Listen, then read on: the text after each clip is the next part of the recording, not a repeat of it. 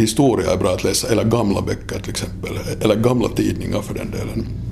För att där ser man när man inte själv mera delar den liksom kollektiva de kollektiva uppfattningar som då var gällande, så märker man hur absurt det är att utgå ifrån, att ta dem för givna som de personerna som skrev då för hundra år sedan, eller bara för tio år sedan, äh, gjorde. Så att på det sättet är det liksom nyttigt alltid att se, för då ser man den där, äh, den där kollektiva dumheten som fanns då. Som förstås, det är inte att vi är mindre dumma nu, men vår kollektiva dumhet sitter på lite andra ställen, så därför kan vi upptäcka de ställen som, de liksom blinda fläckar som vi inte mera delar kan vi upptäcka hos, hos folk som skrev tidigare. Men då är det förstås helt idiotiskt att tro att vi inte skulle ha motsvarande blinda fläckar nu. Så, och det är ju det som eftertanke handlar om, att försöka ändå, ren medan man är inne i det här, just den kollektiva dumhet som vi just nu delar, försöka ta sig ur den på något sätt, eller åtminstone bli medveten om, om en del av de blinda fläckar som annars bara delas sådär tanklöst i, i kulturen.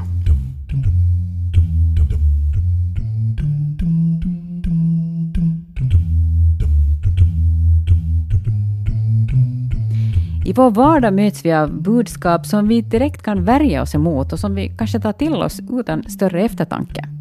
Reklamtexter och bilder är exempel på sådana, säger filosofen Joel Backström.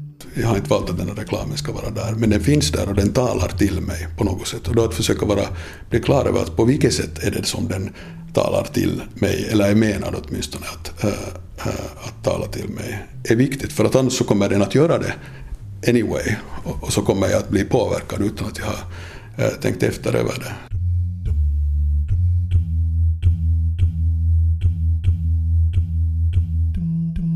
Jag har en eh, äh, reklam till exempel som jag cyklar förbi här till arbetsrummet varje dag. Äh, som en sån här stor vägg, då, banderoll. Mm, och det är alltså en av de stora teleoperatörerna här i landet. Äh, och reklamen är, visar en bild av en sån här, um, sån motorcykelknutte, så Harley Davidson-kille med liksom skägg och långt hår, som kör där ute på landsvägen och han har, gör en sån här gest av segervisshet och frihet. Liksom, att här, här är han fri. Och, så, eh, och just bakom honom sitter en, eh, en, där, eh, en, en sån här kostymnisse, så tråkig kostymnisse i en dyr men tråkig stor bil som han då just har kört om och sen är sloganen att enemmän elämää, mera liv. Och det här är då alltså en reklam för, för att du då antagligen antar ska få ett snabbare bredband eller någonting sånt. Och jag menar, det är ju helt sjukt, totalt perverst, det har ju absolut ingenting med noll på riktigt med mera liv eller frihet eller någonting sånt att göra, att har du ett snabbare bredband eller inte. Utan det är just den där liksom så att säga tråkiga killen i den där uh, dyra med propra bilen, det är ju till honom det här, den här reklamen uh, är så att säga riktad till alla, alla oss vanliga propra, vanliga propra människor som på något sätt då ska tro att man får mera liv och mera frihet om man har ett snabbare bredband. Nå, då är det ju uppenbart att ingen av oss tror på det här. I en viss mening tror ingen av oss på riktigt på det här. Hur ska man kunna vara så, jag menar tro att det på riktigt frihet och liv har något med det där att göra. Men ändå går det att sälja en produkt med den där sloganen. Och det är ju intressant. För liksom, att så att säga, ju mera galet det är, så desto mer intressant blir det ju att det ändå går, att det i någon mening måste fungera. För det, i någon mening fungerar det, för annars skulle de inte ha den där reklamen där. Och det är sant att de vet på det sättet, att de märker ju vad som säljer och vad som inte säljer. Men vet ni varför en sån här sak säljer? Det skulle jag inte tro att de har någon klar bild av, liksom vi inte har någon klar bild av det, att varför går vi på det? Och jag antar att vi båda skulle säga att vi, ja, men vi går inte på det. Någon annan kanske gör det. Eh, eller vi kanske undrar att går någon på det? Ja, vad ska vi säga, män i 50-årsåldern brukar köpa motorcyklar. Så ja. de kommer att associera till det där. Och de är ja. kanske de som bestämmer vilken bredbandsanslutning som är hemma ja. eller något sånt. Så det kan vara så. Ja, absolut. Det något sånt är det ju, men det är ju ändå helt galet att associera de två sakerna som inte har någonting med varandra att göra. Men att, reklam handlar om känslor?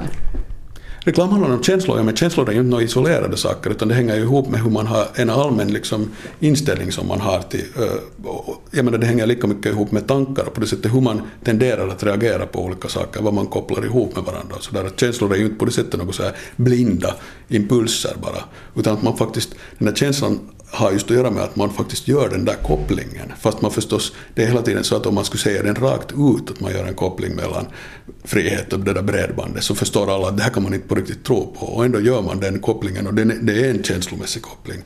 Eh, det är sant, men, det, men den får dig då till exempel att köpa det där bredbandet. Och det är ju inte bara det den gör. Jag menar, det, hela, det där är bara ett exempel på hur reklamen hela tiden förstås fungerar på det sättet att det är en sorts... Jag menar, reklam är ju det viktigaste på något sätt så ideologiska eh, budskapen som finns i, för, i vår tid. Att vi har ju inte mer så politiska sloganer på väggarna. Men däremot har vi kommersiella sloganer hela tiden. De bygger ju alla på att få oss liksom att tro, igen i den här tvetydiga meningen, att tror man nu på riktigt på det, men att på något sätt tro att genom konsumtion, det är där vi uttrycker vår individualitet och där vi blir fria och lyckliga genom att konsumera. Och igen, det är en sak som ingen, kan säga det rakt ut och på riktigt tro på det. Och ändå beter vi oss alla som om vi skulle tro på det. Mm. Um, och jag menar, det är ju sånt som det finns inne i den där reklamsloganen. Så att säga finns hela det här på ett sätt ganska komplicerade liksom, äh, nätverk av just känslor och, äh, och, tankar och allt som är alla på något sätt mer eller mindre omedvetna. finns inne i den där lilla sloganen. Som man, så det finns mycket att tänka på i den där lilla biten text. Ren. Enemmän elämää, mera liv. Um, men, men oftast tänker vi kanske inte speciellt mycket på dem, utan vi antingen just vi låter oss påverkas av dem utan att alls själva veta. Kanske oftast skulle vi just säga att vi, vi påverkas, påverkas inte av det, men någon annan kanske. Mm. Men man tror att det inte angår en.